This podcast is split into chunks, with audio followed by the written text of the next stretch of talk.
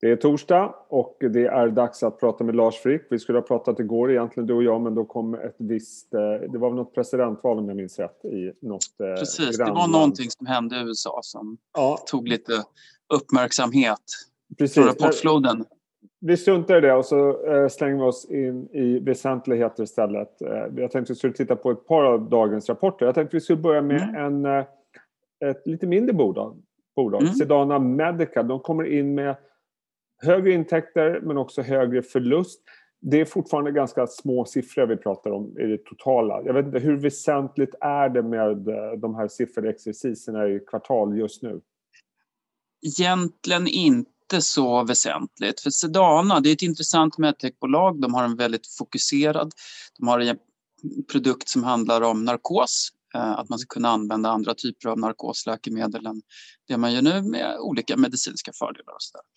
Och det intressanta med Sedana är ju att de har försäljning så att man kan ju säga att de har en bevisad produkt med kommersiell bärkraft eh, i Europa. Men det som händer nu är att man ska gå in i USA eh, och man väntar på fas 3 studieresultat. Så att kvartalssiffrorna är inte så spännande för den stora grejen med Sedana det är ju vad som händer inom citationstecken då imorgon. Eh, och att förlusterna stiger är också väntat. Eh, när man bygger upp inför lanseringar så betyder det oftast att kostnaderna kommer först. Man ska bygga distribution, försäljning med mera. Eh, och intäkterna kommer då med en viss fördröjning. Så att okay. siffrorna är ingenting som oroar utan tvärtom tycker jag att det ser rätt bra ut faktiskt. Och Sedana så, har väldigt spännande framtid. Så att, att eh, tillväxttakten avtar lite grann i det här kvartalet, det kan mm. vi egentligen se förbi. Det är det du menar egentligen? Precis, du? och det här har vi pratat om lite tidigare också. Att det finns ju lite olika effekter av covid-pandemin. Vissa områden där, ja, ta handsprit förstås, skydd, respiratorer och allt det där går som tåget. Men att det är lite vänteläge för många andra produkter. Eh, nu är akutvård ändå hyggligt stabilt där bland annat och Sedana är verksamt. Eh, men det har ju varit ett speciellt kvartal så det är svårt av den anledningen också att räkna in för, att, lägga för mycket betydelse i Q3-siffrorna tycker jag. Utan covid påverkar ju även Sedana. Eh, och, du nämnde då, det är två viktiga punkter här nu för mm. Sedana. Det ena är då den här vad ska man säga, lanseringen i Europa av Anaconda och så är det då fas 3 i mm. USA. Om vi börjar med eh, Europalanseringen. Hur mm. viktig mm. är den och vad ser ni för möjligheter för Sedana på den europeiska marknaden? Um, det är ju viktigt. Det är ju hemmamarknad hur man nu ska uttrycka det. Uh, man får ju börja gräva där man står. Så att mottagandet här gör ju att i takt med att produkten får erkännande och används på fler och fler kliniker så ökar ju säkert intresset från andra potentiella kunder också. Så att det är en viktig markör. Även om USA till summan är en mycket större marknad än, än Europa så är Europa fortfarande väldigt signifikant. Så det här får vi följa hur snabb adoptionskurvan blir. Och det är klart, jag tror många kommer nog sitta och titta på kvartalsresultat. Men här är det ju, man tar till skillnad från läkemedel där det går väldigt snabbt och man har ett godkänt läkemedel och kommer in på en lista med bättre effekt eller mer gynnsam biverkningsprofil så går man ju från 0 till 100 nästan momentant. Liksom. Ja är man på listan så börjar läkemedel förskrivas. Medicinteknik är ju mer som vanliga produkter, att man måste ut och dänga portfölj, övertyga någon klinik om att det här är bra och så vidare. Kommer man in i rekommendationer och riktlinjer så går det ju snabbare då. Men, men, eh, men som sagt, jag tror att det blir en gradvis process. Så det blir ja. lite spännande att se hur snabbt upptaget är i marknaden av det här. Så man ska inte vänta sig en, en explosionsartad eh, omsättningstillväxt i det här bolaget den närmsta tiden? Mm. Eh, om man tittar på den amerikanska marknaden, då var inne lite grann på den, att där finns mm. ju som sagt en ytterligare stor potential. Men jag misstänker också att det är kanske ännu hårdare och tuffare att sälja in nya produkter om, du inte är, om det inte är din hemmamarknad. Den erfarenheten har jag av medicinteknik. Visst, du har helt rätt Jesper. Det tror jag också det är viktigt att poängtera att, att eh, till skillnad från eh, Europa, om man tar hela Europa så blir det också rätt komplext förstås. Det är olika läkemedelsmyndigheter och sådär. Men, men har man en CE-märkning så är det godkänt i EU och det är ändå rätt homogent. USA har ju andra typer av ersättningssystem. Man har offentlig finansierad vård och så har man den försäkringsbaserade. Så varje, och det är ofta väldigt regionalt så att jag tror att eh, om man tittar medtech så är det nästan lite långsökt att se USA som en marknad utan man går ofta region till region och följer de här ersättningssystemen och försäkringsbolagen. Så att eh, det blir en svårare process att komma in så det är en väldigt komplex marknad. Eh, och då kan det väl vara så att kanske några mindre försäkringsbolag börjar så vill man komma in gradvis på större då. Så att bearbeta den marknaden blir, blir tufft. Men Sedana har ett rätt unikt koncept. Det är ett så här tråkigt ord, lite klichémässigt att säga unikt, men det är faktiskt um, en, en unik lösning och det har de ju ändå fördel av. Att här handlar det inte om att välja mellan två, tre olika konkurrerande produkter utan det är befintlig metod eller Sedanas. Mm. Och som det ser ut nu så har ju Sedana lyckats väldigt väl så att chansen är god i USA men med samma brasklapp där då att man ska inte vänta sig att det händer overnight utan det kommer vara en gradvis process även där. Och avslutningsvis om Sedana, aktien har ursäkta, stigit rejält i år, den tappade lite grann mm. på den här rapporten. Mm. Eh, hur ser ni på aktien? Jag tycker fortfarande det ser positivt ut. Mm. Visst, värdering om man tittar på nyckeltal nu blir ju väldigt högt. Men det är ju väldigt mycket framtiden och det här med fas 3 också. Eh, och där vi tror att man har goda chanser att lyckas. Man har bra data hittills. Så att det är bara att äga aktien och se glad ut, tycker vi. Du, en annan rapport, lite större bolag får man mm. ändå säga. Det är AstraZeneca som kom in med rapport. Siffrorna såg mm. lite lättare ut, tycker väl jag. Mm. Prognoserna däremot intakta. Aktien rör sig mm. knappt på rapporten överhuvudtaget. Men det jag uppmärksammade i rapporten, eh, det mm. var att det ser ut som de räknar med godkännande för deras eh, covid-19-vaccin under november-december. Det var lite intressant. Precis, det är ju spännande. Där har det funnits en del tveksamheter tidigare. Jag kommer ihåg att det blev ju mycket diskussioner när man var tvungen att bromsa studien temporärt för att undersöka biverkningsprofil och så vidare. Men jag tycker ändå Astra, eh, vaccinet är jättespännande. Men det finns andra faktorer i Astra ändå som gör att jag har väl svängt lite i min syn på bolaget. Från tidigare varit ganska negativ, tyckt att det varit för högt värderat. Att nu har man ju ändå levererat i några år på sin mer fokuserade strategi eh, och det är väldigt mycket en säker hamn. Och nu har man ju också tillväxt, att man har defensiva kvaliteter men, men ändå med framgångar i forskningsportföljen så, så tycker jag Astra har blivit mer intressant. Och det är ju en väldigt stabil placering, vilket borde vara bra nu. Nu har vi haft en sån fantastisk återhämtning på börsen sedan raset i mars. Så att Astra, titta här, man tar sen i maj så är väl aktien ner 10% och börsen är upp 15 så den har ju verkligen underpresterat. Eh, kanske att det där svänger tillbaka nu. Vi går in i nya osäkrare tider igen med en andra våg av covid. Eh, presidentvalet ska vi kanske inte prata för mycket om men det är väl också någon sorts osäkerhetsmoment. Ehm, och många av de aktier som har rallat hårt kanske har gått lite för långt. Vi såg ju också en svag period i börsen här för ett par veckor sedan när det var riktigt surt. Mm. Så att då kanske defensivt kan, kan, eh, kan göra lite comeback och då tror jag Astra är ett bra val. Bankerna är ju väldigt rött, telekomoperatörer, annan klassisk så defensiv sektor känns inte heller särskilt het.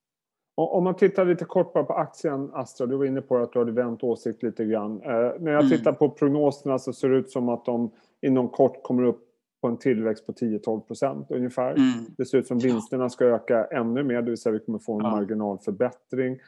Men aktien är, nu låter jag gammalmodig, tycker jag ser väldigt högt värderad ut. Men det, det låter som du att, att eh, det här då skulle vara motiverat för att det här är faktiskt på väg att bli en tillväxtstory inom... Eh, ja, precis. För att vara ett läkemedelsbolag. Jag menar, man kan ju tycka att 10% topline inte låter så imponerande men det är ändå väldigt bra för ett så stort bolag i den branschen. Um, och jag tycker också att de har en starkare pipeline nu än för några år sedan.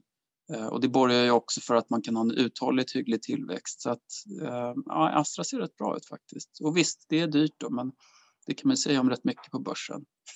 det kan man göra. Du, jag tänkte vi skulle avsluta med en annan hälsovårdsaktie som inte mm. har kommit en rapport eh, mm. idag.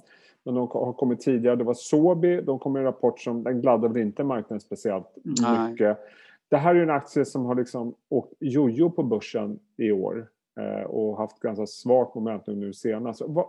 Väldigt, väldigt kort. Hur förklarar mm. du den här stora svängningarna i den här aktien? Det är en väldigt bra fråga. Jag tycker det är kul att kontrastera det just med AstraZeneca då, som ju har varit så pass stabilt. Det här är också ett läkemedelsbolag där man ju skulle kunna tro att man skulle se samma stadiga utveckling, men, men icke. Um, och jag skulle säga att det är två saker. Dels är det ju eh, bolagets hemofilipreparat, då, Elocta, som eh, eh, möter väldigt stark konkurrens från Roche Hemlibra.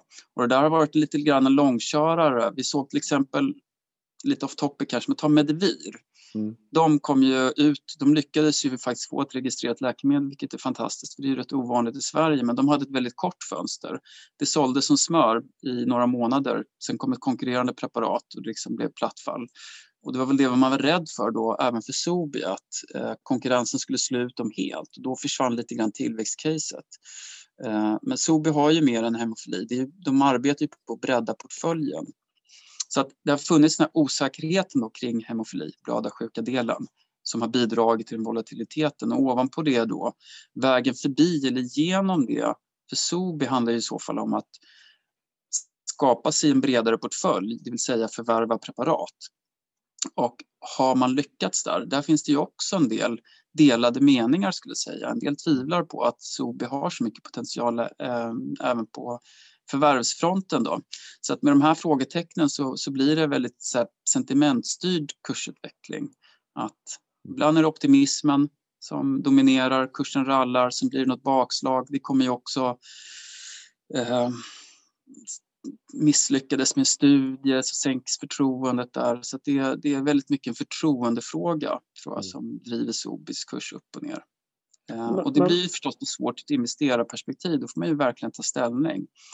Men aktien är lågt värderat, de växer och jag tror att de har bra möjligheter att fortsätta bredda sin portfölj. Så att med viss tvekan ändå så är SOB intressant. Men det är just det här, där är nog timing kanske viktigare än i en aktie som Astra. Att Sobi då får man väl passa på när den är ordentligt mm. nedkörd och plocka upp den och sen vara beredd på att det blir högre volatilitet också. Ja, jag vet inte vad du tycker men det, det är de två faktorerna. Hemofili och förvärv. Men, men jag tänker på när jag tittar på dina siffror så, så mm. slås jag av att ja, tillväxttakten tror du kommer komma ner närmast tid. Jag tror du hade ungefär mm. 7% nästa ja, år i tillväxt. Marginalen fortsätter upp. Mm. Eh, P talet är väl 11-12 2021 ja. om jag minns rätt. Visst. Det låter ju inte jättedyrt. Eller? Nej, det är väldigt billigt. Det är ju verkligen i kontrast mot Astra så är det ju mm. helt andra multiplar i Sobi. Um, och då menar väl vi då att man får försöka se igenom dem. För det är ju också naturligt i ett forskningsbolag att studier går hem och ibland går de inte som det är tänkt. Och det är liksom på något vis verksamhetens natur. Att man kanske inte ska läsa in för mycket i, i tidigare bakslag utan eh, det är oberoende händelser. Eh, och till den här värderingen så får man ju faktiskt ett extremt välskött, bra bolag eh, till, inte halva, men nästintill P talet mot Astra. Men jag tänker så här, om värderingen fortsätter vara på de här nivåerna och med tanke mm. på den ma aktivitet som det är mm. i sektorn, vi ser det regelbundet, mm. så nu låter jag som en repig skiva här, men är det inte dags att damma av det gamla uppköpscaset Precis, det är det ju också. De har ju en fokuserad portfölj inom eh, eller starka positioner som mm. inom väldigt intressanta områden. Då. Blödarsjuka är jätteintressant. Så att här finns det ju verkligen uppköpspotential och i synnerhet om kursen fortsätter gå ja. svagt. Och det kan man ju kanske lägga in i sin kalkyl då och ge dem en liten premievärdering där. Mm. Uh, just för att det finns en chans till, till uppköp. Sen är det som alltid med det, det spåret och det är spännande men det är otroligt svårt att säga när det ja. kommer. Det är imorgon, det är kanske om två år men, men eh, till så här låga multiplar så borde det ju finnas stora bolag som tittar på Sobi som förvärvsobjekt. Ni har en eh, avvakta på mm. aktien. Mm. Jag tror rubriken var det för den eh, långsiktiga. Ja, lite hängslen och livremmar. Också lite, en till repa i skivan där. ja, Intressant precis. för en långsiktig. den klichén har man väl dragit ungefär en miljon gånger. Lägg i byrålådan. Och det är just det sentimentet, precis. Att det, det är så svårt tycker jag som investerare att stå utifrån och säga så här, när kommer förtroendet tillbaka för Sobi? Jag kan inte svara på den frågan och det blir också Nej. lite spekulativt att sätta köp. Ja. Uh, utan nu får vi helt enkelt nöja mig nu med en avvakta och konstatera att det är lågt värderat um, för den här typen av bolag och att de faktiskt har, tycker jag, chanser att överraska positivt. Ja. Lars, jag tycker även du är lågt värderad med tanke på de insatser du gör för samhället. Tack Jesper. Kul att snacka med dig. Vi hörs ja. igen nästa vecka hoppas jag. Se vad det, det handlar om då. You bet. Tjena. Tja.